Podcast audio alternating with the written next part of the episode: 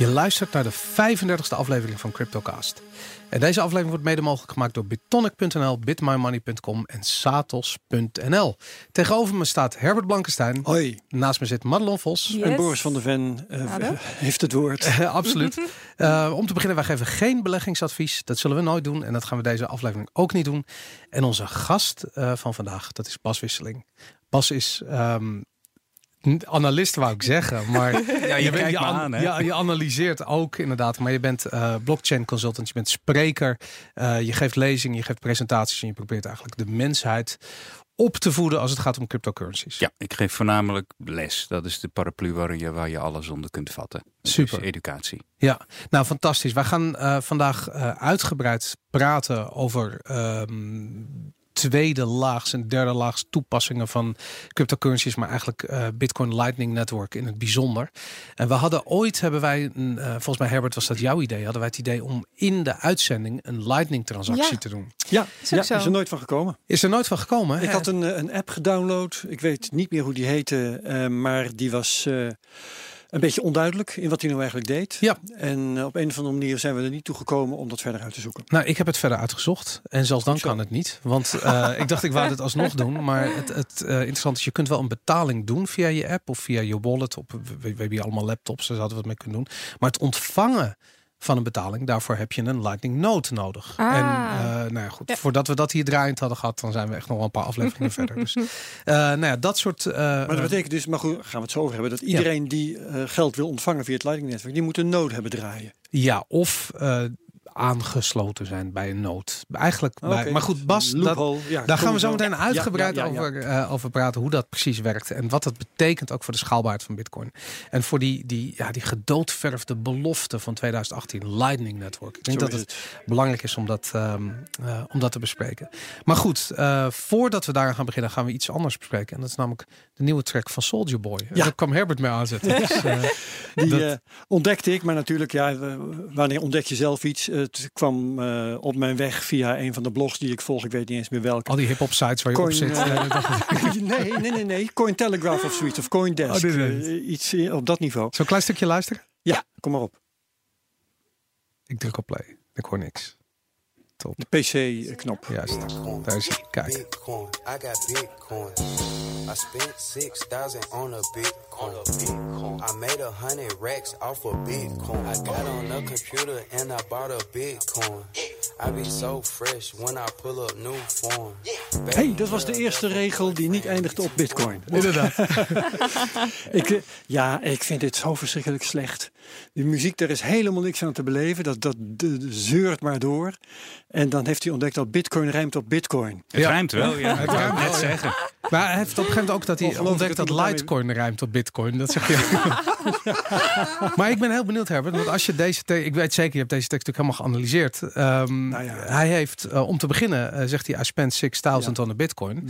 De, de, de, de bekende track. grootspraak van rappers, hè, dat hij er zo lekker veel mee verdiend heeft. Daar komt het ongeveer op neer. Ja, behalve dat uh, als hij 6000 op hem aan de, ik bedoel, het is een vrij tijdelijke track. Het ja, zou want zomaar kunnen de zijn. koers die staat nu rond de 6000. Ja, dit is, het is heel recent. Ja. Maar stel je voor dat ja, ja. de koers naar 100.000 gaat, dan is deze, dan kan je dit niet meer luisteren met goed fatsoen. In nou ja, als ja, hij dan zegt dat hij voor 6000 gekocht heeft, Ja. dan, staat hij er goed op. Hoor. Ja, Ja. Toen was de bitcoin nog goedkoop, zeg nou, hij zegt eigenlijk gelijk erachteraan. Had I ik made, toen maar. Had ik toen maar. Hij zegt daarna, I made a 100 racks of a bitcoin. Weet jullie hoeveel 100 racks is? Nee. Eh, nee. Een een racks is een, uh, ik, ik, heb, ik weet het ook niet zo. Ik heb het opgezocht in de Urban Dictionary. maar, maar 100 racks is blijkbaar een stapeltje uh, geld met een elastiekje eromheen ter waarde van 1000 dollar. Dus hij heeft Ah, ja. 100.000 dollar verdiend met bitcoin. Ja, dat is met Dus- elkaar in strijd. Als je, hè, als je Ja. 6000 eraan hebt uitgegeven, tenminste als je het recentelijk hebt gedaan. Hangt er wel hoeveel hij gekocht heeft. Als hij, lang ja, als hij lang geleden 6000 eraan heeft uitgegeven, dan kan dat. Inderdaad, ja. Dus, eh, maar ik, eh, heb, ik heb niet zo'n hoge dunk van, van die man als tekstschrijver. Dat ik denk dat het allemaal perfect klopt met elkaar. Ja, het lijkt me ook wel? iemand. Die, en nou, zeker, zeker als je kijkt naar, de, naar zijn analyse van Bitcoin, die er dus heel erg ontbreekt in dit nummer. Dan denk ik van hij heeft dit niet in eh, november vorig jaar gekocht. En volgens de, de run meegepakt, 100.000 dollar verdiend. En eh, is weer uitgestapt. Nee, hij heeft eh, waarschijnlijk gisteren zijn eerste Bitcoin gekocht. Zoiets. Maar Ik ben benieuwd wanneer hij erachter gaat komen dat shitcoin ook op bitcoin ruimt. Ja, zeker, ja. dat stond er Absoluut, ja. Input voor een nieuwe track. Nou ja, maar je, moet hem, je kunt veel zeggen over Soldier Boy, maar niet dat hij niet scherp is en, en eerst met Ripple is gaan spelen. En eh, hij is direct naar de Bitcoin gegaan. Dus dat, eh, Goed, ik Ja. ben schrijver geweest. En ik, als je met Ripple begint, dan kun je ophouden Dat is met klaar. je track. Ik bedoel, de ruimte aan voor iets. nee, er rijmt niks op Ripple. Ongelooflijk. Nee, nippel. Nee, whatever. Dat zou kunnen. Ik had op, op het moment dat ik dit vond, eh, toen had ik nog geen idee. Ik dacht van, zou dit, zou dit nou de eerste zijn die een liedje over bitcoin heeft gemaakt? Blijkt dus bepaald niet het geval te zijn. Er is verschrikkelijk veel in omloop. Ja. Ehm, ik heb zelf al heel wat gevonden. Ik wil eh, luisteraars eigenlijk aanmoedigen om te zoeken wat zij het leukste vinden. Want ik vind dus hoofdzakelijk dit soort rap tracks met een enkele uitzondering. En die zijn nou niet zo heel avontuurlijk. Eh, al- tenzij, het, eh, de, tenzij tenzij het jouw smaak is. Volgens mij Maar- hebben we hier een keertje eh Fabergé en Abelman Broer besproken. Die een Bitcoin track hebben gemaakt. Volgens mij ook. zomaar Abelman Broer is naar aanleiding van die track ook de presentator geworden van het Vice-programma. Wat jij wel eens eh, over beleggen. Ja, eh, waarbij de aflevering over Bitcoin door Thomas Bolle, onze oud-gast en econoom. Ik kan het bijna niet meer volgen. Nou goed, het is een lang verhaal. Maar anyways. Maar in elk geval, ik wil dus mensen vragen. Stuur eh, je mooie ontdekkingen op het gebied van bitcoin-nummers naar ons. En eh, dan gaan we misschien eh, nu en dan eens eentje draaien. Kijken of er echt hele leuke tevoorschijn willen komen. In elk geval Ja. moet het beter zijn dan dit. Anders doen we het niet. Top. Laten we doorgaan met de tweets. We hebben een aantal eh, eh, hele specifieke tweets gehad. Sommige gaan over Lightning Network. Andere zijn ook, eh, eh, we gaan wat meer in over traden. Ik heb ze ook een beetje verdeeld over de uitzending. Maar laten we beginnen met een tweet van Snorder XRP. Ehm, Um, Lightning Network of niet. Eh, ik en velen met mij zien Bitcoin voornamelijk als een store of value. En speculeer door de ehm, schaarste van Bitcoin dat de prijs exponentieel gaat stijgen. Eh, want waarom zou je iets betalen eh, met Bitcoin als ik denk dat die currency in de toekomst veel meer waard zou worden? Ehm, en dit gaat eigenlijk over het betaalaspect van Lightning Network.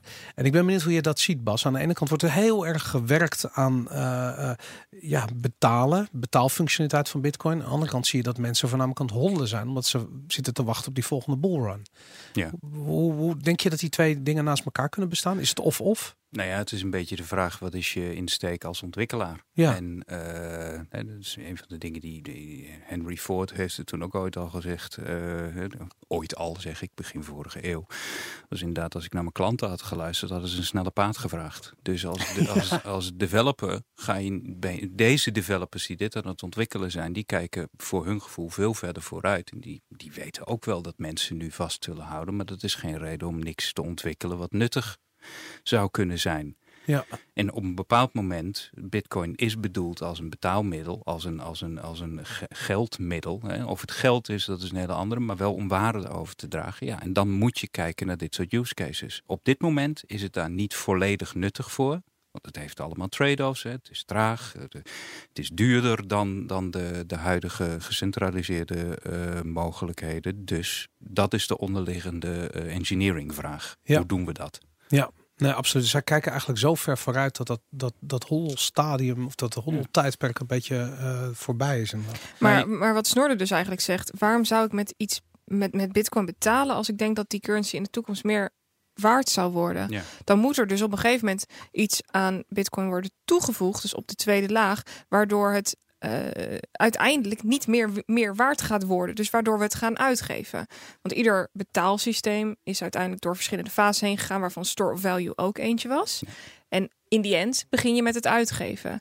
Wanneer zouden we dan op dat punt zitten dat Snorder dan niet meer zegt: ik hou het, maar ehm, ik ga het nu uitgeven? Ja, dat is een beetje, ik probeer een beetje te analyseren naar mezelf hoe dat bij mij ging. Hè. Ik, ik, ik zit hier sinds 2013 in en tussen 2013 en 2016 kocht ik dingen met bitcoin. Met veel Mhm. plezier. En dat Ja. was makkelijk en dat was simpel. en Ook al steeg de waarde als een dolle. De, de waarde steeg toen niet als een dollar. Dat was het hem juist. De waarde Oh, ging omlaag. Hè. Ja, ja, Dus, dat eh, was, eh, tussen die periode. 2000, Ja, ja, ja, 2013 ja, ja. en 2015. eh, ik bedoel, als bitcoin dan, dan laag staat, dan geef je het uit. Achteraf, denk, achteraf kun je dan denken ze van, oh ja, dan had ik zoveel gehad. Maar in die periode was het heel normaal om dingen te kopen met bitcoin.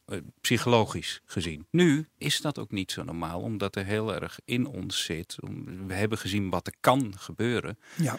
Wanneer is dat effect weg? Ja. Ja. want exponentiële stijging houdt altijd een keer op. Ik, alle, alle theorieën die ik erover gehoord heb, ja. En zoals, zoals alles wat we historisch kennen, ja. Is dat is, houdt het ergens op. Waar dat is, Ja, dat, dat weet zou leuk niet. zijn om Ja. te weten. Mhm. Ja, en wanneer ook. Nou, ik zou me voor kunnen stellen dat je eh, in principe bitcoin gaat uitgeven als je iets nodig hebt wat je harder nodig hebt dan de toekomstige waarde van bitcoin. Ja. Doe maar. Ja, maar, ja, maar wanneer gaat dat gebeuren? Dat is als je bijvoorbeeld Ja. je salaris in bitcoin krijgt uitbetaald. Ja. Dan moet je huur betalen, dan moet je eten kopen. Dat soort uitgaves die je dagelijks hebt, die gaan dan in bitcoin plaatsvinden. Kijk naar dat verhaal van Andreas Antonopoulos vorig jaar. Hè? Die, eh, waar mensen tegen, op een bepaald moment gingen ze zeggen... ja, maar die man is miljonair. Ze zeiden, nee, ik ben helemaal geen miljonair. Ik heb namelijk mijn huur moeten betalen. En ik heb alle bitcoins die ik ontvangen heb... en was aantoonbaar met zijn, met zijn eh, vanity wallet. Was, eh, hè, zo van, hij had het allemaal uitgegeven. Hij kreeg gelukkig van een fan kreeg hij op dat moment een miljoen aan waarde toegestuurd. Zo had ze flats. Eh, nou, Ja. dankjewel. Mhm.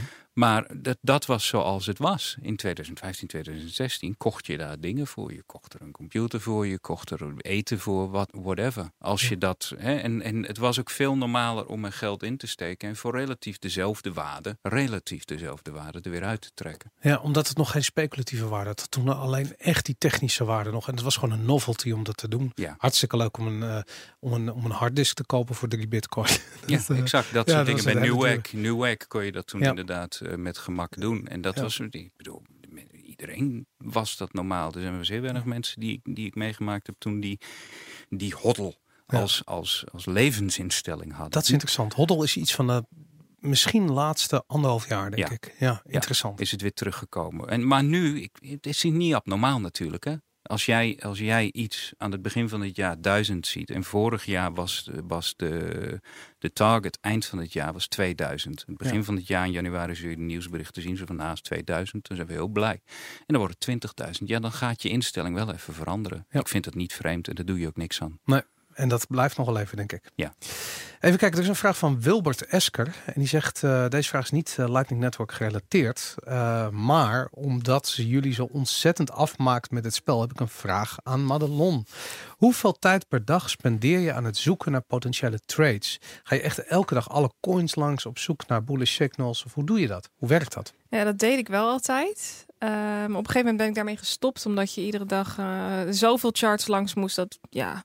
En een heleboel was ook gewoon niet lucratief genoeg.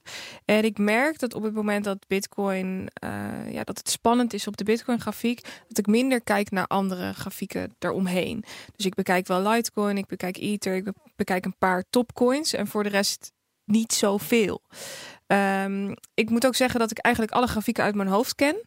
Dus op het moment dat de koers een beetje daalt of een beetje stijgt, dan weet ik precies wat dat op de grafiek doet. En of dat al tegen mijn steun- of weerstandslijn aankomt. Eh, hoeveel tijd ik daaraan spendeer per dag. Ik denk gauw een uur of, eh, of vier dat ik eh, naar mijn scherm sta. Om het zo maar te zeggen, dat ik de koers bekijk. Ik vind Ja. het heel knap. Het lijkt me best wel hard werken namelijk, omdat gewoon... Ik zie het als ontspanning. Ja, oké, ja. nou ja, misschien bedoel Even ik dat... mijn hoofd leeg, even naar die grafiek gewoon, ja. Ja. geweldig. Entertainment. ja, precies.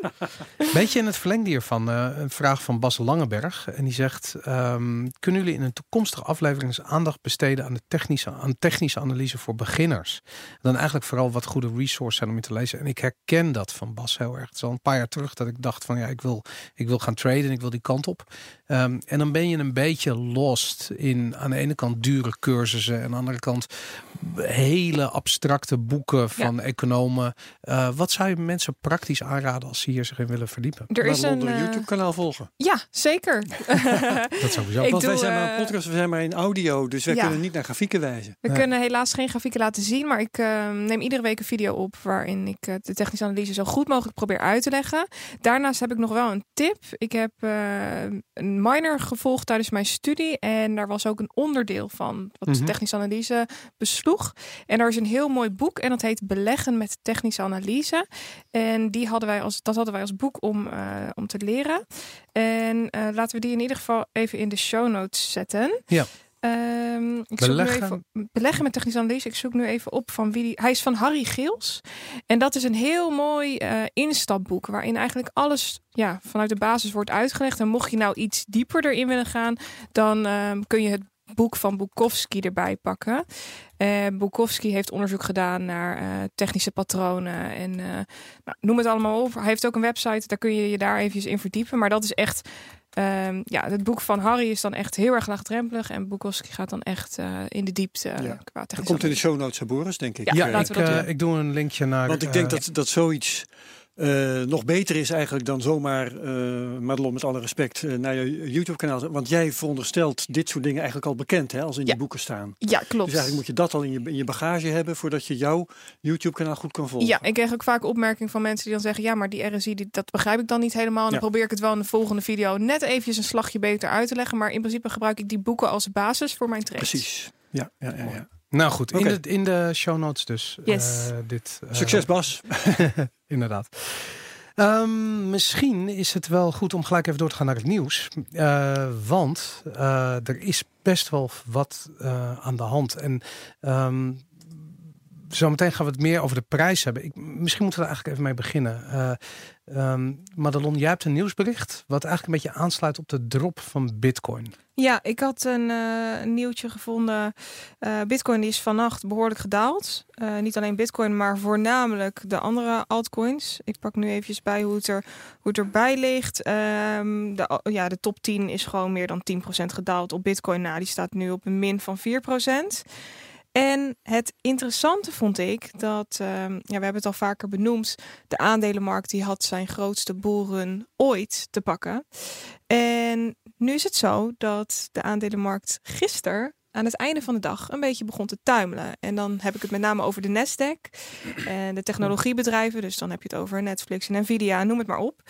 En ehm, ik kwam een artikeltje tegen van eh, CNBC waarin stond dat de techstocks de ja, ergste dag hadden gisteren sinds augustus 2011. Wauw. En in 2011 was er echt fundamentele redenen om te twijfelen aan de koersen van die grafieken.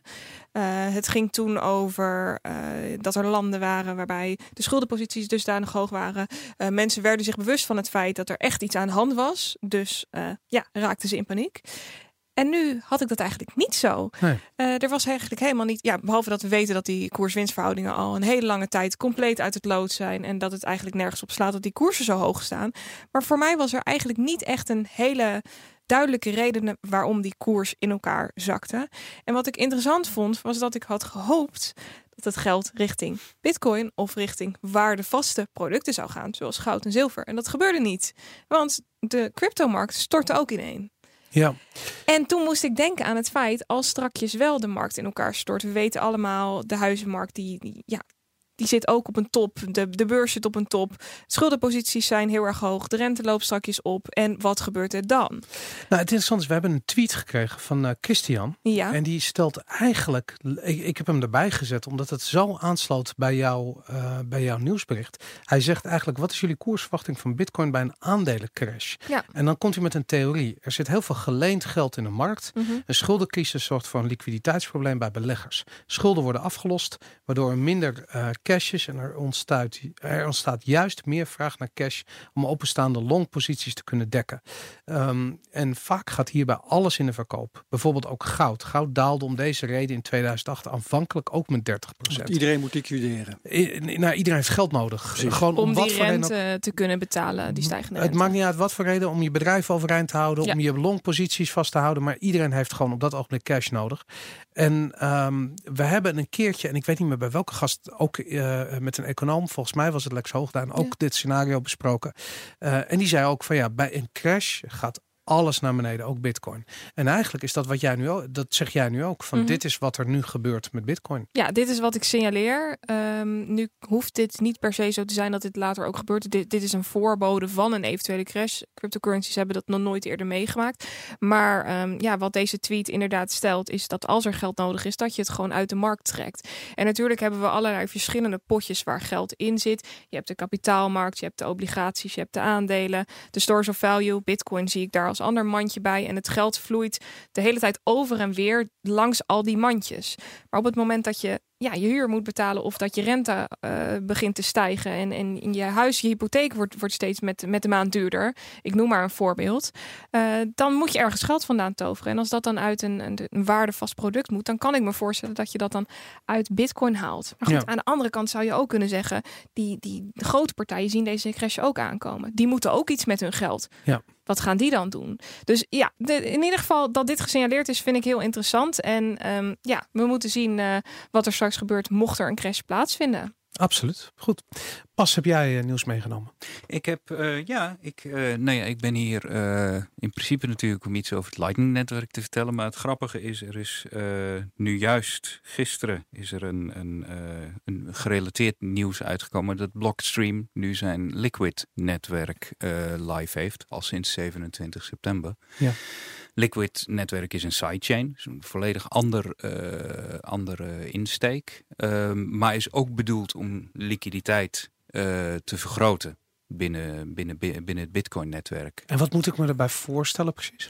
Nou, wat Lightning net, wat het Liquid-netwerk is, ik denk dat ze met deze namen gigantisch Ja. eh, veel verwarring gaan scheppen, maar dat is een ander verhaal.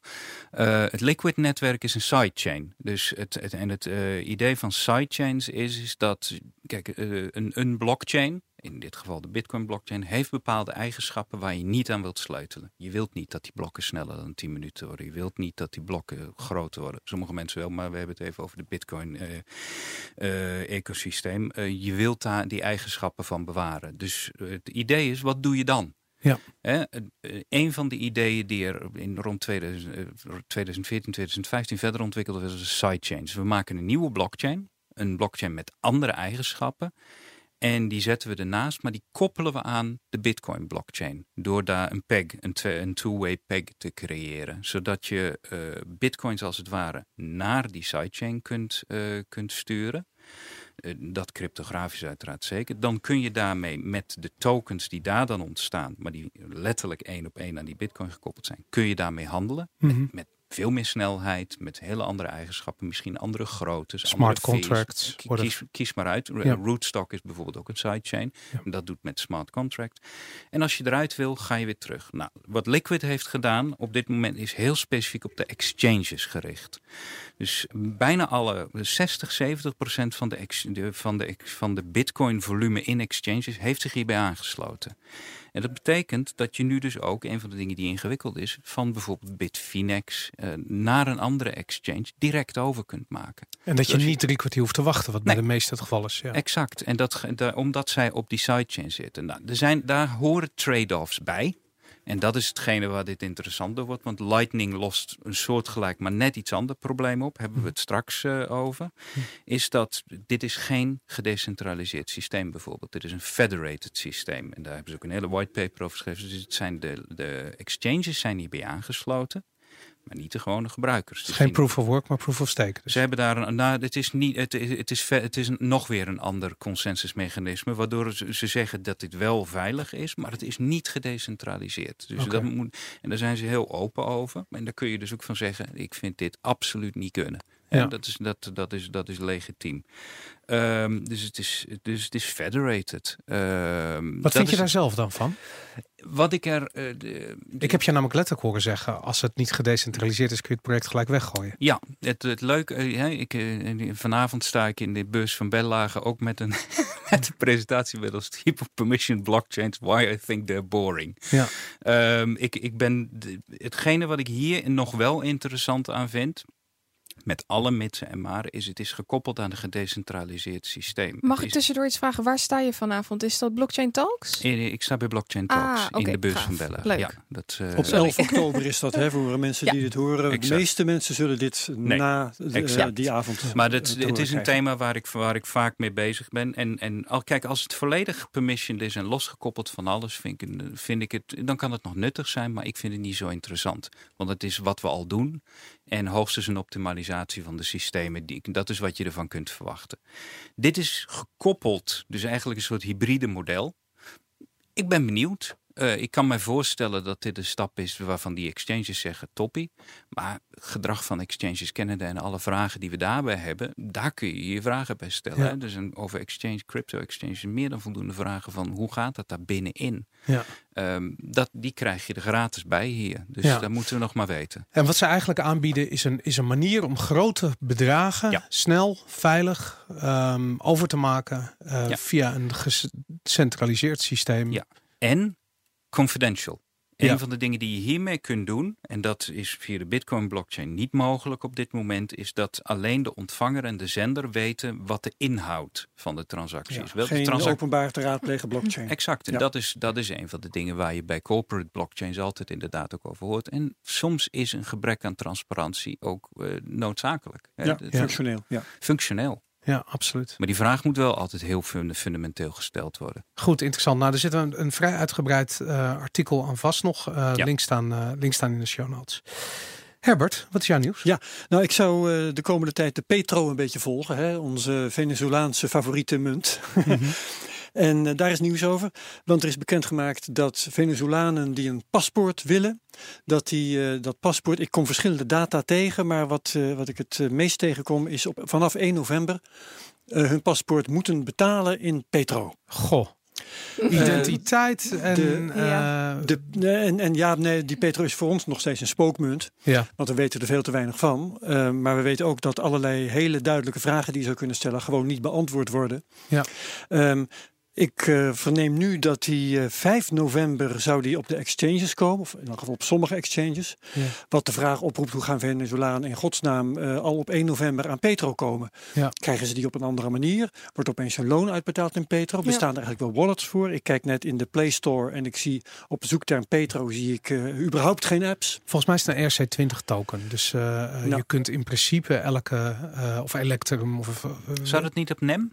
De, eh, de- ik dacht Daar dat komen de vragen al. Nou goed, Ja. ja, we- de- Dus zelfs wij eh, weten het niet. Nee, inderdaad. Nee, dus ehm, eh, het wordt alleen maar spannender. En eh, in ieder geval denk ik dat we vanaf 1 november geleidelijk aan duidelijkheid krijgen over of dat ding überhaupt werkt. Ja. Mhm. Hè, met zijn zogenaamd gebekt zijn door een mandje olie en diamanten en ijzer en Ja. nog iets. Onzin, ja. Ehm Nou, ik vind het we gaan heel het afwachten en ik blijf het dus volgen. Ja, heel goed. Ik vind het heel interessant dat het de eerste toepassing, letterlijk het eerste waar de overheid mee komt, Ja. is gelijk een toepassing die je dus je identiteit koppelt Ja, aan je eh, Ja. ja, aan je assets eigenlijk. En dat En vind ik- ik, ik kwam- verschrikkelijk. Ik kwam één uitspraak tegen van een deskundige. Ik kan het in de, in de brei en berichten nu even niet meer terugvinden. Maar eh, dat de hele Petro geen blockchain zou hebben. Mhm. Waarmee het dus een soort eh, digitaal staats fiat geld zou zijn. Ja, klopt. Mhm. het, het, heeft, het is gepremined en er zijn volgens mij ook, je kunt het niet minen. Het, Er zijn gewoon een x aantal Petros en dat die worden uitgedeeld. Nou, en wat hier heel ziek aan is, eh, zeker als je ziet waar het, hè, waar het dus mee gepromoot wordt met, met blockchain, verdikkie. Eh, hem, eh, eh, als je, ze leggen hier dus, door mensen te dwingen met een zogenaamde cryptocurrency te betalen, leggen ze iemand, zetten ze ze vast. Want zonder paspoort kun je dus niks. Ja. Je dwingt mensen onder volledige controle te komen. maar ook, het is wel weer zo dat eh, die paspoorten zijn zo duur, namelijk vier maand salarissen, ja, dat eh, de meeste Venezolanen ze überhaupt niet zullen kunnen hij betalen. kost Dus- twee petro, zie ik. En Ja, dat is, en dat is 100 zeven- 7200 bolivar en dat is dan weer 200 dollar, als ik goed begrijp. Eh, ik zie hier 115, maar bij de, bij de, bij de Bolivar weet je het inderdaad. En dat zou nu zo al 200 dollar Ja. kunnen zijn. Het gaat heel snel daar. ja. Maar dat moet je nagaan. Dus het is ook nog eens een keer een peg creëren. Hè? Ja. Je creëert hem aan een vaste waarde. Zorg je ervoor, die petro is vanaf nu dus zoveel waard. En dit is zo'n hocus pocus verhaal. Het gaat helemaal nergens over. Ja, ik vind het, eh, eh, eh, ik vind het, het voorbeeld is fantastisch. Omdat je gewoon gelijk ziet wat gebeurt er als een overheid een, met al hun onkunde, eh, eh, intenties en belangen, die, ja precies. Ja. en belangen en intenties die misschien niet helemaal zuiver zijn, eh, eh, Mhm. met hun fikken gaan zitten aan zoiets als blockchain. Wat gebeurt er dan? Maar dit is een echte case, hè, Boris. Ja, dat bedoel ik. Ja. Dit, dit, dit is wel ontiegelijk naar voor de mensen Ja. die nu in dat land wonen en leven. En hier maar de gevolgen van moeten ondervinden. Ja, kijk, de, de, de gevolgen die ze ondervinden hebben natuurlijk voornamelijk te maken met het beleid van Tuurlijk, de regering. ja. En eh, weet je, het hebben van een paspoort is niet zo'n big deal op het moment dat je bezig bent met te struggelen om te eten Nou ja, te krijgen. iedereen vandaag. probeert uit het land uit te komen, dus dan helpt een paspoort wel. Nou ja, goed, dat, dat, inderdaad. Maar ehm, wat dat betreft, het is gewoon voor ons wordt het opeens zichtbaar wat voor soort overheid daar aan de Ja. macht is en hoe dat dan werkt. En het is vreselijk voor Nou, die was al mensen. Tijdje zichtbaar op allerlei manieren. en absoluut. Ik ben ook helemaal geen fan van de, van de Venezolaanse overheid. Venezolaanse overheid. Maar, maar goed, eh, weet je, het, het- ik, ik vind het gewoon een voorbeeld. En als je ziet van ja, eh, zodra een overheid hoort praten over crypto en dat ze het interessant vinden, dan gaan bij mij de, mijn nek haar overeind staan. Want ik heb Ja. zoiets van ja, dit is wat je gaat krijgen. Ja. Dat, Ja. eh, nou. Mag nieuws. ik misschien nog Oh, één, één ander nieuwtje eh, toevoegen? Ja. Want die heb ik net eventjes er nou, net niet verteld. Ehm, mijn, mijn moeder is, is juf op een basisschool. Oh ja, En ehm, ik denk dat het wel. ik denk dat het wel heel erg leuk is. Ze geeft les aan groep 1 en 2, maar eh, ze krijgt verschillende bladen. En eh, er kwam van de week een blad bij haar thuis waarin uitgelegd werd hoe je Bitcoin en voornamelijk eh, waarde uitlegt aan kinderen. Oh. geweldig. En hoe deden ze dat? eh, dat? Dat legden ze uit aan de hand van een spel, het Bitcoin-spel. Waarbij eh, kids dus geleerd wordt wat is iets waard en hoe zorgen we dat we weten wat, wat die waarde is en, en hoe doen we dat. En eh, nou, dat ging eh, op Twitter hartstikke leuk. En mensen die waren super enthousiast en iedereen gaf aan van nou, ik, ik wil dat ook voor mijn kind bestellen. Wat gaaf, wat, wat vet. En eh, ook vanuit het buitenland wordt hier heel erg positief op gereageerd, omdat het toch hier op scholen wordt gedoseerd hoe bitcoins werken en ook hoe je waarde aan iets toekent. Ja, nou ik vind de- het is een beetje filosofisch vraagstuk van wat is waarde. En als je met bitcoin bezig bent, en zeker in de media, ben je constant diezelfde discussie aan het voeren. Wat is de intrinsieke waarde van bitcoin? Ja. Ehm, en op zich is het hartstikke leuk als dat op school al die discussie gestart wordt. Want Zeker. Natuurlijk, wat is waarde? Ja, is toch fantastisch. Ik bedoel, kinderen vinden, vinden dingen waardevol waar wij niet eens ons bewust van zijn. Dus Ja. het is super tof om dat eh, door de ogen van kinderen te zien. Heel Ja, tof. dus mocht je nou zo'n eh, zo'n blad willen bestellen, laten we een linkje in de, In de show notes. zetten. ja, ik Maar, hou- ma- mag ik, mag ik één, één extra ding over dat Bitcoin-spel zetten? Ik lees het net even snel door. Ja. En ik vind het, het is wel enigszins sneaky, want het, het werkt dus als hoger en lager. Hè? Dus Ja. het is dat kaarten trekken. Dus het is, wat het spel impliceert is, weet je wat? We gaan vier omhoog. We gaan, nu zitten we op 9 dollar. Dat het dus inderdaad niet vragen en aanbod is. Speculatieve waarde. Ja. Ja. Ja. Ja. Maar Dus dat is dan wel weer komisch. Ja. Dat Ja. het puur random eh, kans is. Maar ik vind dit ook heel erg leuk. Ja. Je moet het ergens introduceren. Ja. En het Ja. kan op deze En het is een model. Nou, ik Ja. weet dat de, de Nederlandse bank namelijk ook eh, eh, propaganda verspreidt op lagere scholen. En dat ziet er dan letterlijk uit. Daar, daarin wordt nog gesproken over de goudstandaard. Oh. En dat eh fiat geld eh, gedekt wordt door goud bijvoorbeeld. Terwijl dat al lang niet meer zo is. Sterker nog, er stond van de week stond een filmpje op nu- nu.nl waarin we een rondleiding kregen door de goudopslag van de Nederlandse bank. En daarin werd letterlijk gezegd van vroeger was eh, de fiat gekoppeld aan goud. En toen zeiden ze op een gegeven moment ehm, kwam er zoveel geld, toen was het niet meer mogelijk om dat te koppelen aan goud. Zo van, excuse me, het was volgens mij andersom. Weet je? De standaard is losgelaten en daarom kwam er zoveel geld. Ja. Dus je merkt het gewoon in alledaagse ehm, uitingen. En laten we maar ervan uitgaan dat met alle goede bedoelingen eh, wordt samengesteld. Wordt er nog zo ontzettend veel onzin verspreid. Ja. Dus ja, wat dat betreft, eh, ehm, ik denk dat lagere scholen een hele grote rol kunnen Ja. spelen in het bewustmaken. Ik weet overigens niet of dit spel dan eh, dat precies allemaal doet. Maar goed, het, ehm, Het is een start. En is die een moet je ergens maken. ja, inderdaad. Boris, jouw nieuws. Mijn nieuws gaat ehm, over het volgende. Ehm, even kijken, ik pak eventjes mijn dingetje erbij. Even kijken. Ik heb mijn hele nieuws. Drumroll, please. Ja, daar komt hij inderdaad.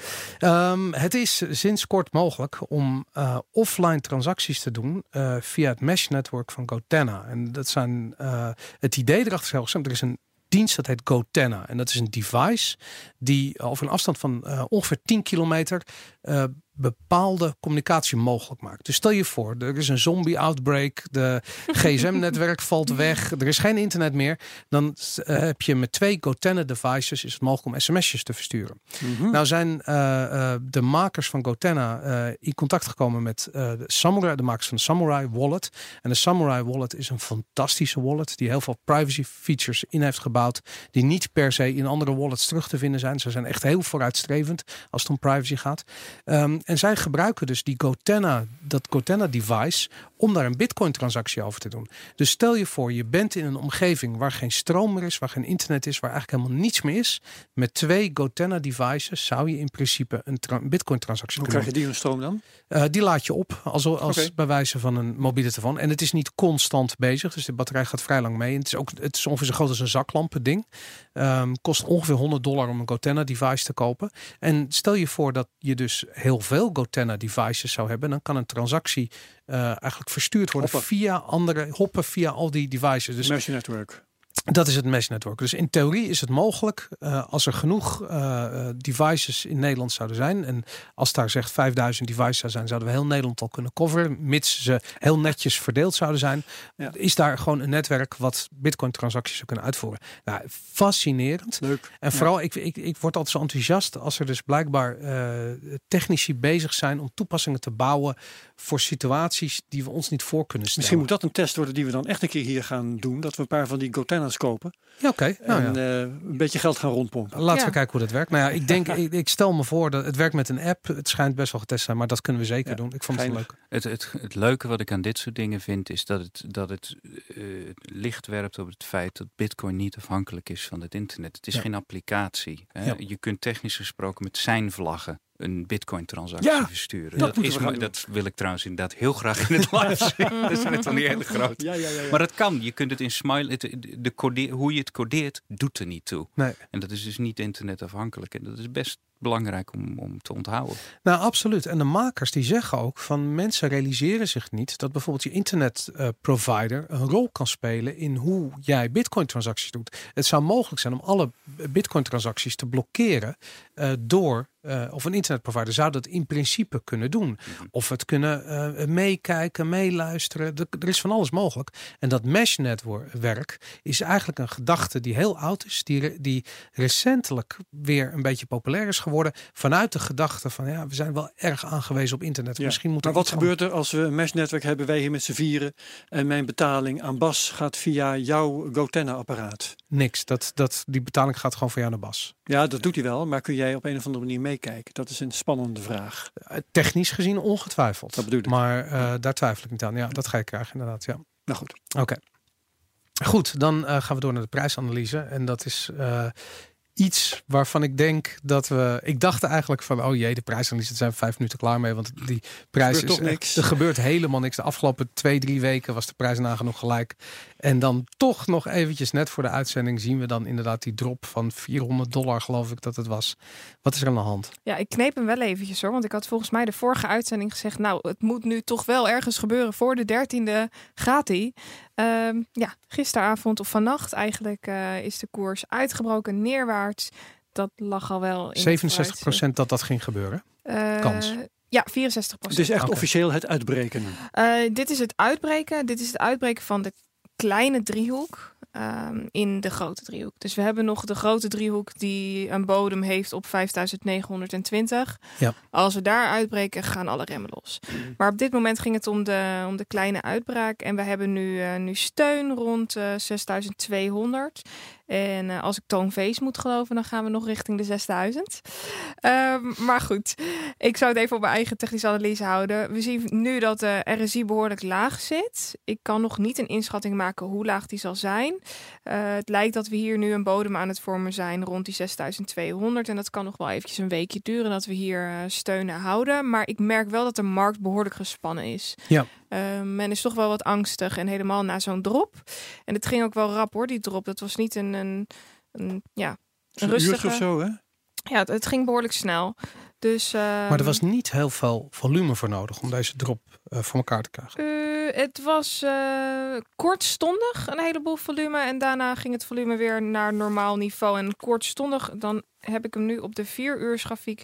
Dan pak ik even de 2 uur grafiek erbij. Ja, het was echt. Ik denk dat het uh, zelfs binnen één uur was het al heel, heel weinig. Ja, binnen, binnen nou, anderhalf uur ongeveer hadden we een hele grote volume uh, klap. En daarna ja, was de koers uh, een stuk lager. En maar... nu, nu hebben we hier, zijn we hier een bodem aan het vormen en zitten we weer in een kleine driehoek op de 30 minuten. Duidelijk. En we moeten nog steeds die. Um... Uh, die 13 oktober in de gaten houden, aanstaande vrijdag.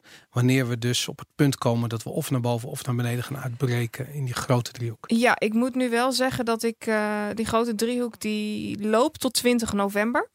En die, we zitten nu op 84% van de driehoek en hij zou tussen de 80 en de 85% optimaal uitbreken.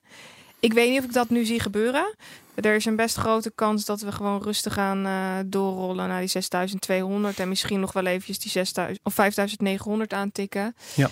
En uh, vanuit daar moeten we dan eventjes gaan kijken. Ik verwacht niet dat we binnen nu en, en een week eh, uit die grote mega driehoek Duidelijk. gaan breken. Oké, moeten we nog even snel onze beleggingswedstrijd eh natuurlijk. bespreken? Even Ja. snel.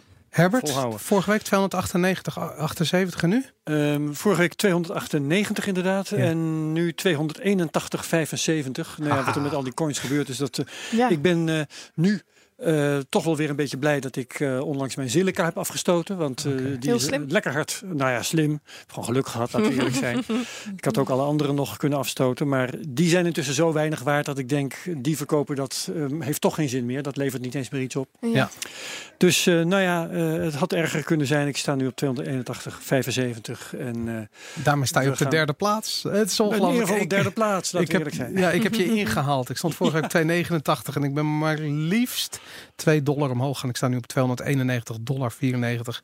En eh eerlijk gezegd, ik heb niets gedaan. Ik heb er niet naar gekeken. Ik heb er ook niet veel fucks om gegeven. Het Tron had, gebeurde Tron had gewoon. even een, een eh, bullrun van 30% of En zo. daar heb ik volgens mij op mee geprofiteerd. Maar ik moet Ja. eerlijk zeggen dat, eh, het, ja, wat ik zei, Tron. ik ben een beetje veroordeeld tot Tron. En het is, Nee ja, hoor, je kunt gewoon verkopen. Ik weet het, maar ja, dan heb ik mijn verlies verzilverd. dus daar heb ik geen zin in. Madelon, ehm, Ja, ik had vorige week mijn Ether en Litecoin verkocht, omdat ik toch wat buikpijn had. En eh, dat bleek uiteindelijk een goede zet te zijn. Ik ben wel wat, eh, wat teruggelopen. Ik stond vorige week op 828 dollar en 50 cent en nu op 822 dollar en 12 cent. En ik heb mijn bitcoin hoeveelheid gehalveerd. Op tijd? Ehm, op de uitbraak, ja. ja, wat goed. Ben ik wel de enige die winst heeft gemaakt deze week, jongens? Al is het maar 2 Ja. dollar. Ja, Het is knap. nou, Boris, gefeliciteerd Ongelooflijk. jongen. Gewoon enthousiast. Ehm, het 100 dollar per week project Ja, van nou, Herbert, dankzij, 28 eh. Dankzij de drop van gisteren heb ik een goedkope week. Ik heb gekocht op eh, 62, 96, 11. Eh, heb nu in totaal bijna 0,4 bitcoin verzameld. En de waarde op dit moment is op een haar na 2500 dollar. Na investeren van 2800 dollar. Dat betekent dus dat ik ehm, een kleine 11% in de min sta.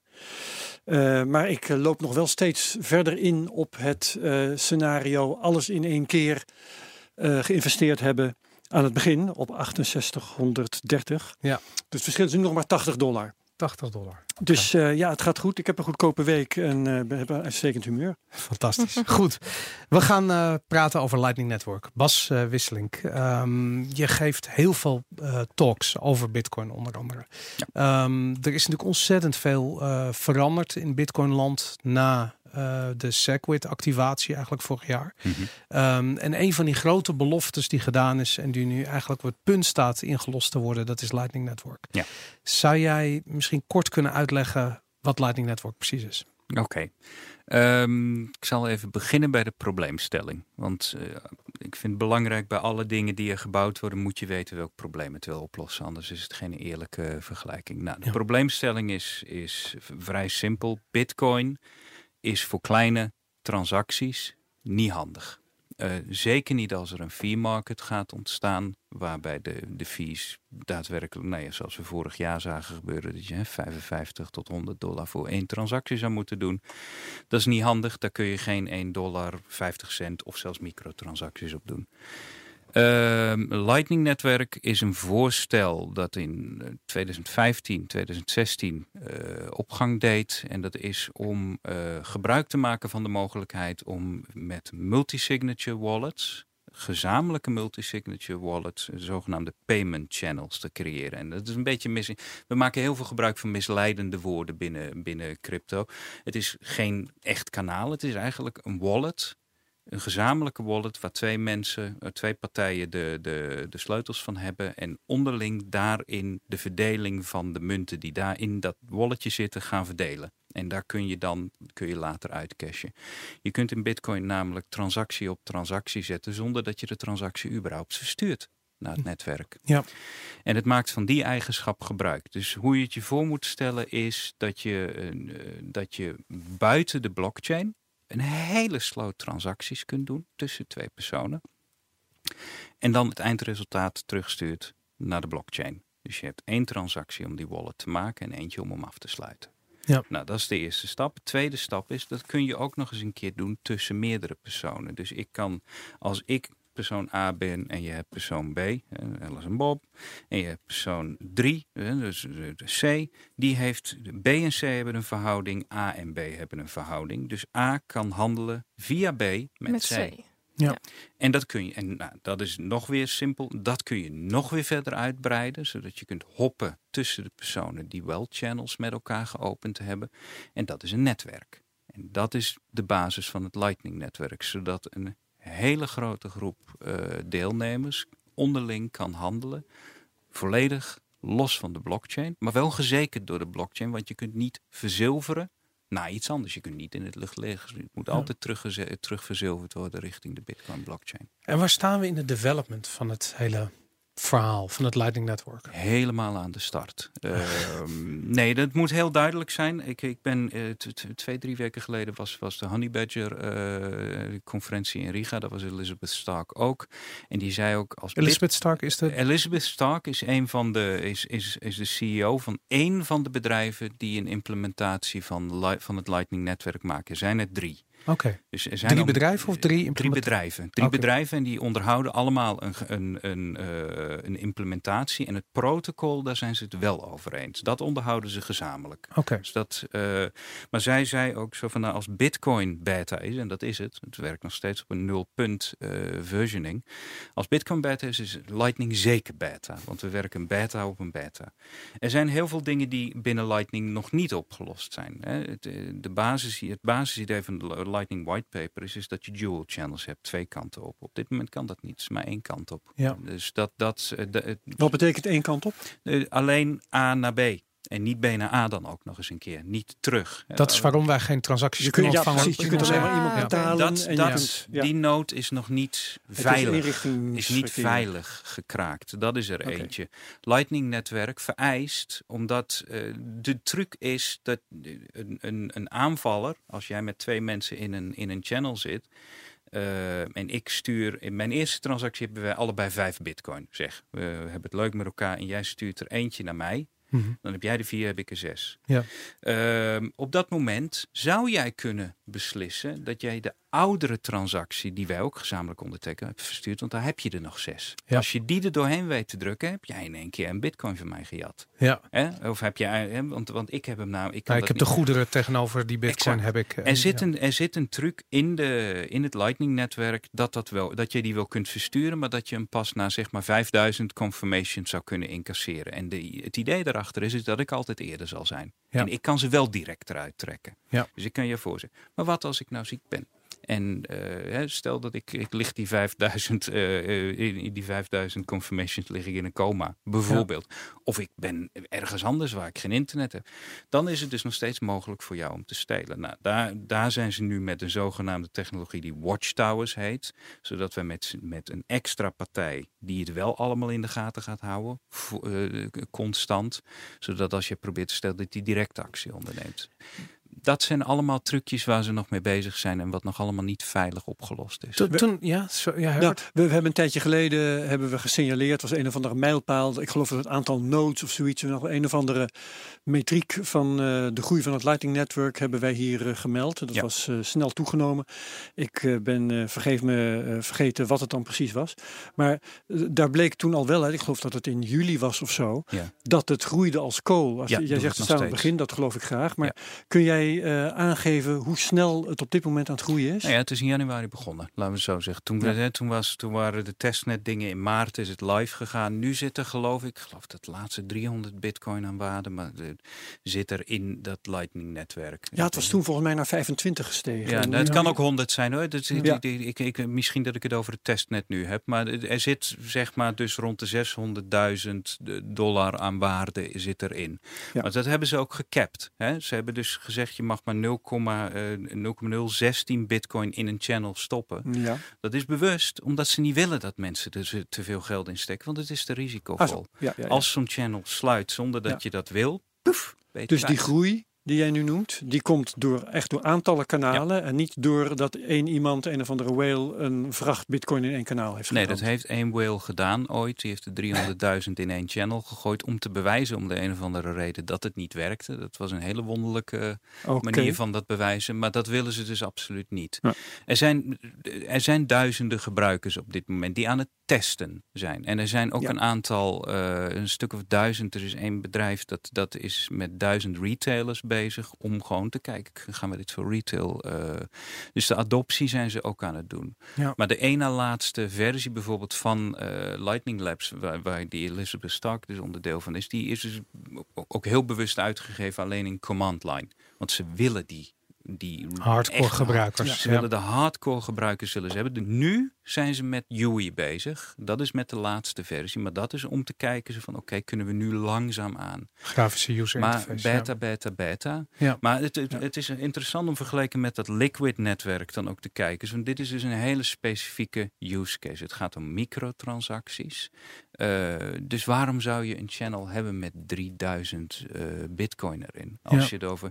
Nou, de- Dan kun je ook een gewone bitcoin-transactie doen. Exact, bedoel je? die keuze. Ja, ja, ja. Wat Ja. hierachter ligt is, je hebt nog altijd de keuze om gewoon via de main chain te Natuurlijk, gaan. En je ja. wordt niet vastgelegd hierin. Het is echt voor microtransacties bedoeld. Ik heb, ik heb één, eh, laat ik zo zeggen, ik ben heel enthousiast over Lightning Network of de belofte nog steeds. Ja. En als ik eh, jou zo hoor praten over eh, het Watchtower idee, dus eigenlijk dat je een, een transactie kan nu nog maar één kant op gaan, maar het feit dat je dat twee kanten op laat gaan, ehm, dat je daar dus eigenlijk weer aanloopt tegen de reden waarom proof of work bedacht is. Namelijk je moet een transactie onafhankelijk van die twee partijen vast kunnen stellen Ja. eh, door een partij die geen belang heeft bij de uitkomst van die transactie. Ja. En ik had zoiets van ja, vroeger of later, voordat je het weet, kom je weer aan, is het cirkeltje rond en kom je gewoon bij proof of work uit. Ja. Net als dat sommige sidechains ook al gewoon, ehm de beginnen allemaal heel eh, proof of work steek verhalen te vertellen en hebben zoiets van ja, dat is, dat, dat is de manier waarop we dit gaan oplossen. Maar aan het eind van de rit gaat het om veiligheid en om decentralisatie. Je wil gewoon dat je transacties eh, ehm, ja, onafhankelijk worden goedgekeurd. Dus krijg, ben je niet een tweede bitcoin aan het creëren bovenop bitcoin? Eh, eh, Nee, want de tokens die op deze, hè, ik noem het even tokens, maar ik ben echt een rothekel aan het woord gekregen het afgelopen jaar. Maar goed, eh, de, de, de, de eenheden die, laten we het dan zo doen, de eenheden die op die, die, die Lightning channels staan, die Lightning channels zijn Bitcoin. Dat is, die Lightning channels die staan op de Bitcoin blockchain. Dat, daar is, dus dat zijn Bitcoins. Die zitten en die, we zeggen wel het is een tweede laag en het beeld wat je daarmee creëert is, dat ligt erop Ja, die infrastructuur van hoe je de hops doet binnen zo'n netwerk, dat ligt er bovenop. Maar het daadwerkelijke maken van die channels, dat is on-chain. ja. En daarna worden de slimme dingen uitgevoerd met die handtekeningen die we hebben. Maar ook dat is helemaal bitcoin. Dus in die zin, kijk, zo'n liquid channel, dat is er bovenop. Dat is ook echt een apart token. Dat heet LBTC, is duidelijk. Ja. Een apart token is niet gedecentraliseerd, volledig ander verhaal. Lightning is bitcoin. Alleen de manier waarop we dus die trucjes moeten uitvoeren om dat goed te laten doen. Een van bijvoorbeeld het klassiek probleem wat ze hebben is, hoe ga jij die hops doen? Stel dat ik, eh, kijk, als ik één cent wil versturen, ik, dan moet ik dat dus via kanalen doen die allemaal een cent hebben. Nou, Ja. dat gaat wel lukken. Wat als ik 400.000 wil versturen? En er zijn maar drie hubs aanwezig op dat netwerk die 400.000 kunnen doorsturen. Dan ben ik verplicht om via die te gaan en ben ik heel traceerbaar in één keer. Ja. kun je een netwerk hebben wat je wil. Dus een van de angsten die er van dat Lightning-netwerk is, is tuurlijk is, is, is, het, eh, is het gedecentraliseerd maar in, in topologie. Ja. Maar, Oké. Snap je? Dus het gedecentraliseerder naarmate je kleinere transacties doet. Ja, nou ja, Ja. dit is een van, de, een van de dingen waar ze dus in die gesprekken tegenaan lopen. En dit zijn interessante. Maar hoe ga je dat dan oplossen? Ja. Want de achterliggende gedachte is nog steeds, we willen dit gedecentraliseerd houden. Ja. Dus hoe gaan we dat doen? Die watchtowers was hetzelfde probleem. Hoe, ga, hoe gaan die mensen dan geld verdienen? Want ze verdienen alleen maar geld als er iemand aan het stelen is. Dat is een interessante prikkel die je krijgt. Nou, het is wel interessant, want je kunt namelijk. Ik, ik heb eventjes gezocht op, ehm, eh, op de statistieken van Lightning Network. Ja. En eh, dan vind ik dus dat er inderdaad eh, bijna eh, eh, 3400 of 3450 Lightning nodes zijn op dit ogenblik. Daarvan zijn maar twee nodes Mhm. die meer dan 15 bitcoin op hun node hebben staan. Ehm, en daarna gaat het al, wordt het al heel snel minder naar 7 en naar 5 bitcoin. Dus een grote transactie van 17 eh, bitcoin kan, kan eigenlijk niet uitgevoerd worden. Maar dat maar dan moet je bij deze dus even aan, eh, aanhouden dat op dit moment met de nieuwe channels die je opent, dat 0.016 het maximum is wat je er überhaupt in kan zetten. Ja, op die manier. Dus, dus dit niet, is ja. deze, als dit begin dit jaar zou gedaan zijn, dan zou ik het interessant als, als info vinden. Maar nu kunnen nieuwe gebruikers niet meer dan dat. Dus dat vertekent het beeld wel degelijk. Snap ik inderdaad. Hey, en als je dan die lijn doortrekt van ehm, eh, waar, eh, ehm, ja, waar zijn we volgend jaar? Hoe lang duurt dit nog? Wat, wat, wat zijn de volgende stappen in de ontwikkeling van het Lightning Network? Ze zijn nu dus eh, eh, met adoptie eh, dingen bezig. Ook omdat ze het in het wild willen testen. Op Mhm. een bepaald moment moet je zelfs met een product dat, dat nog niet volledig af is, moet je gaan testen. Ehm, ze zijn nu met, aan het ontwikkelen, dus met die watchtowers. Hoe ga je dat doen? Ze zijn met routing protocols bezig. Eigenlijk gewoon de hele. En dat zijn hele basale dingen. Hè? Hoe, gaan ze, hoe, wie, hoe bepaal je algoritmisch nou waar een transactie geroute wordt? En Ja. hoe kun je dat doen dat het wel privé blijft? Want dat wil je. Daar zijn, ze, daar zijn veel mensen aan bezig. Maar er is nog geen sluitende oplossing voor. We zitten in dat stadium dat we aan het bakkeleien zijn. Dat, Ja, nou, we doen het zo, ja, maar dan doe je dit. Dus, Ja. Maar dat gebeurt gelukkig lekker allemaal in die chatkanalen. We zien het niet al te veel op Twitter. Oké. Maar eh, dat, dat is het stadium waar we nu Maar zijn. dat gaat in, in goede harmonie. Ik bedoel, er zijn Ja. geen ruzies of, uh, Nee, hoogstens, of facties die zich afsplitsen. nee, en hoogstens, eh, hoogstens op het niveau van... ja, maar dit gaat verder in de toekomst. Is dit dus een prikkel om dit soort gedrag te vertonen? En ik vind dat hele interessante dingen. Ja. Ehm, dat, dat blijft het leuke aan dit soort ontwikkelingen. Lightning is al sinds... Het, idee, het eerste idee is, sinds, is uit 2011. Ja. De eerste, het zaadje ervan. Fantastisch, En, en ja. zo langzaam gaat dat. Maar ja, als je het veilig wil hebben, graag. Ja, duidelijk. Hey, en ehm, je zei het al, Lightning Labs is een van de bedrijven die eraan werkt. Het zijn echt bedrijven Ja. met een winstoogmerk. Ja. En eh, ik heb begrepen wat Lightning Labs toevoegt, of eigenlijk wat ze aan het bouwen zijn, dat, dat is open source. Dat vinden ze zelf open source. En hun verdienmodel zit aan het begeleiden en consultancy en dit bouwen voor bedrijven, en implementaties bouwen voor bedrijven, geloof ik. Ja, het is het Red Hat model eigenlijk. Ja, Ja, inderdaad. Maar het blijven bedrijven, mensen die je in de bak kunt gooien, die je onder druk kunt zetten. Ehm, hoe veilig klinkt dat in een Bitcoin-wereld?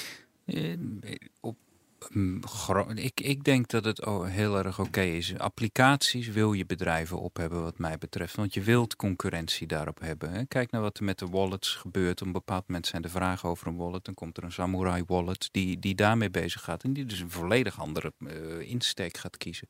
Die keuze voor consumenten is, is erg plezierig, vind ik zelf. En als eh Async, hè, een van de andere bedrijven, als die iets invoert en, en eh, dat staat, dat geeft een prikkel waarvan Lightning eh, Labs zegt ze van, nou ja, maar hoe gaan we absoluut niet doen. Dan heb je twee mogelijkheden. Die keuze moet er voor consumenten, mag er voor consumenten zijn. Ja. Ehm, ik denk dat we dat bij al die second layer-achtige dingen kijk, op moment wel gaan krijgen. Omdat dat protocol, dat, goddank is dat protocol hetgene wat wel vrij is. Ja. Wat je dan met die implementatie doet en hoe je daar dan uiteindelijk met dat protocol iets anders doet, dat is aan bedrijven. Maar als ze op het moment dat ze aan dat protocol ook daadwerkelijk dingen gaan doen die in het voordeel zijn van een bepaald bedrijf, ja, dan heb je de pop aan het dansen. Ja. Dan zou ik heel erg schrikken. Nou, ik vind de vergelijking met wallets heel goed. Als je zegt inderdaad van er zijn ook, weet ik het, 30 verschillende Bitcoin wallets en je mag er zelf eentje kiezen en er zitten allemaal bedrijven achter. Maar dat zegt niks over het protocol Bitcoin verder. Het is gewoon iets wat je gebruikt. Ja, het is ook dat idee. Kijk, mensen die het dus op, eh, op een eh, custodial wallet zetten, op een Coinbase. eh, je hoort heel veel hard comments. Ja, maar moet je absoluut niet doen, want dan heb je de kiezer. Maar het is een keuze die mensen vrij mogen maken. Ik, Ja. kan, het, ik kan het een domme keuze vinden, maar ik vind dat ze, ja, wie houdt ze tegen? En wie en zou je ze willen tegenhouden? Nee. Nee, er valt echt wat voor te zeggen om je coins gewoon uh, bij een andere partij onder te brengen. Als je dat stel, wil. dat, stel dat er iets gebeurt met je. Zo'n partij kan gewoon zorgen dat je ja, de, de, de nalatenschap geregeld wordt. Uh, dat moet je dat wel goed doen tussen het nee, Het is een afweging die elke, elke gebruiker voor zichzelf moet maken. En het liefst zo geïnformeerd mogelijk. Daar zit nog een probleem. Dat is een ander iets. Hey, ik ben benieuwd, want ja, als, uh, als je kijkt naar je consultancywerk, uh, bedrijven komen bij jou en hebben zoiets van ik wil nu Lightning gebruiken. Wat, waar loop je tegenaan? Wat weten bedrijven of mensen die bij bedrijven werken en over dit soort projecten gaan op dit ogenblik van eigenlijk van crypto? Je loopt tegen een aantal dingen aan. Uh, een van de dingen is inderdaad eerst de vraag hoeveel weet je eigenlijk? En de vraag hoeveel weet je eigenlijk is voor mij heel belangrijk. Weet je eigenlijk waarom het ontwikkeld is en wat het probeert te doen? Als ja. die vraag nee is, dan is het aan mij om eerst uit te leggen. Want, nogmaals, ik doe niks met permission chains. Dus het gaat mij er voornamelijk om dat mensen snappen als jij in een permissionless chain stapt, wa waar je instapt en wat je loslaat en wat je terugkrijgt. Als ze op dat moment nog ja zeggen, dan moeten ze dus heel erg naar hun proces gaan kijken over het algemeen. Zo van ja, maar dit kun je dus niet meer. Hè? Je kunt X niet meer doen. Je kunt geen dingen meer terugdraaien. Dus hoe ga je dat oplossen? Uh, je hebt ook een imago iets waar bedrijven mee te maken hebben. Heel veel bedrijven haken gewoon bij die eerste stap al af. Ja. Omdat ze totaal geen idee hebben waar ze instappen. Ze willen iets met blockchain en eigenlijk willen ze dus een permission iets wat ze zelf onder controle hebben en dan blockchain erop. En dat is legitiem, dat mag. Ze willen dus eigenlijk hun product verbeteren. Maar niet noodzakelijkerwijs op de manier waarop, uh, waarop een permission chain, een permissionless chain, dat doet. Maar merk je dan dat ze specifiek op zoek zijn naar bijvoorbeeld microtransaction um, kanalen zoals Lightning Network? Of merk je dat ze gewoon geen idee hebben en Nee. iets met crypto willen doen? Als ze zelf al een idee hebben, hebben ze meestal iemand in huis. Oké. En als ze geen idee hebben, dan hebben ze op dit moment een lange weg te gaan. Want het is het- Ja. degene die het makkelijkste hebben om iets met crypto of, of eh, permissionless blockchains te doen, zijn de start-ups. Die Ja. kunnen van nul beginnen. Als jij in een bedrijf binnenkomt met een lopend proces waar ook allemaal regulering omheen zit, waar ze gewoon dan eh, aan vastzitten, of beloftes aan klanten, en bepaalde service levels die ze moeten halen. En in één keer willen ze hun proces omgooien naar, naar iets, iets eh, met daadwerkelijk een verandering van proces. Ja, dan hebben ze het een stuk moeilijker. Want dan moeten ze toch beginnen in, in een afgeschermde omgeving. En Ja. vaak komen ze er dan op uit, sop is de kool niet waard. Ja. Want Dat- het, is het, het is een hele investering. Ja, hey, en ehm, ik ben toch nog heel eventjes terug naar die, die, die, die planning, die tijdslijn. Ja. Ik bedoel, we staan, ehm, ik weet niet of je dat met me eens bent, maar ik heb het gevoel dat sinds de Segwit activatie op Bitcoin we eigenlijk een nieuw tijdperk zijn ingegaan. En eh, misschien is Bitcoin niet zozeer aan het veranderen, maar wat er mogelijk is met Bitcoin is aan het veranderen. Ja. En dus ook automatisch met alle andere crypto's. Omdat er zijn sowieso veel crypto's die letterlijk de Bitcoin, een kopie zijn van Bitcoin, een fork zijn van Bitcoin. Ja. Eh, en dus ook zo meteen eh, heel makkelijk Lightning implementaties kunnen, eh, kunnen bouwen bovenop hun protocol. Ja. Ehm, waar, waar zie je die ontwikkeling gaan? Ik wil zit iedereen massaal te kijken naar wat Lightning Labs aan het doen is en wachten totdat het gekopieerd kan worden naar de, hun favoriete coin? Of? Nou ja, ik denk dat het sowieso gaat gebeuren. Die, die, het, het leuke is alleen, er is nu ook een weg om dat gewoon weer terug eh, te capturen. Want je kunt met Lightning kun je ook, eh, kun je ook atomic swaps doen. Dat, dat de- wordt beloofd, hè? Dat is nog ja, niet. Nee, maar dat is typisch ook zo een van die dingen. Atomic, eh, richting de atomic swap. Stel dat je eh, dus, dus hetgene, als daar waarde gegenereerd is, kun je het ook heel makkelijk via die Bitcoin blockchain importeren. Dus die, kijk, eh, een van de dingen, een van de problemen die nieuwe blockchain systemen hebben zijn niet zozeer, wat mij betreft in elk geval niet, dat, dat je niet moet innoveren, want dat moet je. En ga alsjeblieft uitproberen, kopieer en, en, en eh, ik hoop dat je iets... Het probleem is natuurlijk is dat je kunt niet dupliceren dat mensen niet weten wat jouw project eventueel aan waarde gaat genereren. Ja. Bitcoin had dat probleem niet. 2008, 2009, 2010, misschien 2011 hadden mensen nog zoiets. Ach, weet je, hier de pizza, de klassieker. Ja. Dus het was, de, dat was een, eh, de, de, het wordt soms ook wel onbevlekte ontvangenis genoemd. Zo van, je had geen idee en dus had je een gedrag dat volledig anders is dan nu. Als ik nu een nieuwe blockchain start, laten we EOS eens als voorbeeld nemen. Hè. Dat Mhm. is typisch zoiets wat ook erin gezet werd, dit gaat het vervangen. Mensen stappen daar niet in om het nieuwe product, maar ze stappen erin om financiële beters te En Ja, dat is een totaal andere prikkel. Ja. Dat is een prikkel die mag, maar het betekent ook dat je het gedrag van het netwerk in, de, in het begin niet meer dupliceren kunt. Het gedrag van het netwerk van Bitcoin in 2009, 2010, Krijg je nooit meer 2011, terug. kan niet. Dus de enige manier waarop je op dit gebied ergens iets innovatiefs zou kunnen doen, is iets totaal nieuws te hebben, wat mensen niet zodanig herkennen. Ja. Dat kan ik me nog voorstellen. Nou, ik kan het me niet voorstellen, anders zou ik het doen. maar dat is de enige manier die ik zie om die onbevlekte ontvangenis weer terug te krijgen. Ik weet dat Bitcoin-maximalisten dat heel veel gebruiken, maar het is ook echt een goed argument. Want jij bent niet een Bitcoin-maximalist van huis uit. Sterker nog, je was betrokken ik bij. was bij NXT. Dat wou ik zeggen. Ik ja. bedoel, en als er één, één coin was waar mensen zeiden dat het een scam was, dan was het NXT. ja, inderdaad. Nee, ik kom wel uit, die- uit die hoek. Ik ben daar ook bewust uitgegaan om me veel breder bezig te kunnen houden. En, en ja, goed, je- leert bij voortschrijdend inzicht. En, en nu? Hoe kijk je dan nu naar altcoins versus Bitcoin? Ik kijk ernaar, naar, ja, d- ga, ik kan je niet tegenhouden en doe het vooral. Eh, zeker als je legitiem bent. Hè? Dus als je, ik, ik ken genoeg altcoin-projecten die legitiem eh, begonnen zijn. En die vaak ook heel erg onder de radar. Dat zijn, dat zijn echte penny stocks. Die hangen ergens onder aan CoinMarketCap. En die, die communities die hebben ook helemaal geen zin om naar buiten te treden. Ja. Die zitten niet moon, moon, moon te roepen. Die zitten, die zitten dus in hun, hun, hun kamertje te knutselen. Ja.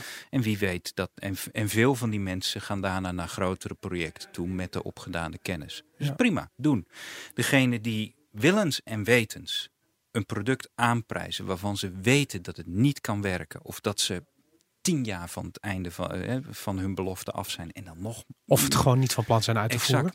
Dat, die, ik zie ze nog eh, zo snel mogelijk moeten die aangepakt worden. En dat zal de wet ook doen. Prima, die worden echt, eh, je ziet het nu al gebeuren. En, en eh, zo- zo'n zo'n Garza van, van Paycoin, die zit nu ook in de cel. En Ja. dat wisten we in 2015 ook met z'n allen. Dus zag je hem langskomen. Ja, Oh, jij gaat cloud mining met je eigen munt betalen. Nee, dat is, eh, ja. dat is betrouwbaar. Dus eh, ik vind, nee, altcoins hou je niet tegen en ze horen erbij. Eh, want dat is het hele open source gedeelte. Als jij dat, dat wilt gaan zeggen, dat mag niet, dat is onzin. En als het wel mag, dan is het menselijk gedrag dat het Ja. gebeurt. Maar om heel veel redenen denk ik wel dat, eh, als, zeker als ik zie wat er nu met Bitcoin gebeurt, hè, als je, de- ze zijn aan de privacy dingen, zijn vier, vijf plannen liggen daarvoor. Ze zijn met nieuwe signatures bezig om dingen nog veiliger te maken. Ze zijn met schaalbaarheid bezig, niet via de on-chain schaalbaarheid, maar inderdaad die gelaagde schaalbaarheid. Li- al die plannen zijn meerjaarsplannen. Mhm. Eh, hetgene waar, waar heel veel van de klachten uit voortkomen, is dat mensen zich blijkbaar niet beseffen dat dingen heel lang kunnen duren. En dat we met een heel raar iets zitten. hè. Er wordt- soms wordt die vergelijking met het internet gemaakt. En dat was Nourio Rubini, die nu net, die nu vandaag eh, dingen van, ja, maar het is niet met het internet te vergelijken, want dat was binnen vijf jaar was Ja. dat zo groot. Ja. Nadat er sinds de jaren 60 Oh, van, vanaf. ARPANET Ja, wij hebben een groot deel van die ontwikkeling hebben we visueel. Het is alsof je ARPANET aan het ontwikkelen bent en mensen zitten live te kijken. En te treden en zijn er heel erg mee bezig. Ja. Dat is waarom het zo moeilijk is om presentaties om te houden. Die zijn zo onbegrijpelijk, maar het zou zijn alsof je een van de eerste internetpioniers op het podium zou zetten in de rij. En daarom is het ook zo verwarrend om in te schatten waar we op dit ogenblik staan. Omdat Ja. iedereen zoiets heeft van we hebben bitcoin, we hebben al die coins. Eh, dat lightning, eh, ik ben gewend om dat allemaal te hebben. Dan is lightning is toch een iemand knipt in zijn vingers en het Ja. is er. Terwijl het is een hele andere manier van denken over hoe die structuur is ingericht. Ja, het is A, is het, is het eh, software die aan de start staat. Dat heeft een eigen, eigen dynamiek. En het is nog eens een keer software waar andere regels in gelden. Dit Ja. is software die voor waarde staat. Kijk, als je Linux vorkt, je gaat je gang maar. Ja. Ik bedoel, zullen, een aantal mensen zullen je de huid vol schelden, want daar zijn ze erg goed in. Die, Mhm. Maar, dat, maar het, het neemt niemand zijn waarde weg. Heb jij het idee dat er daardoor ook extra druk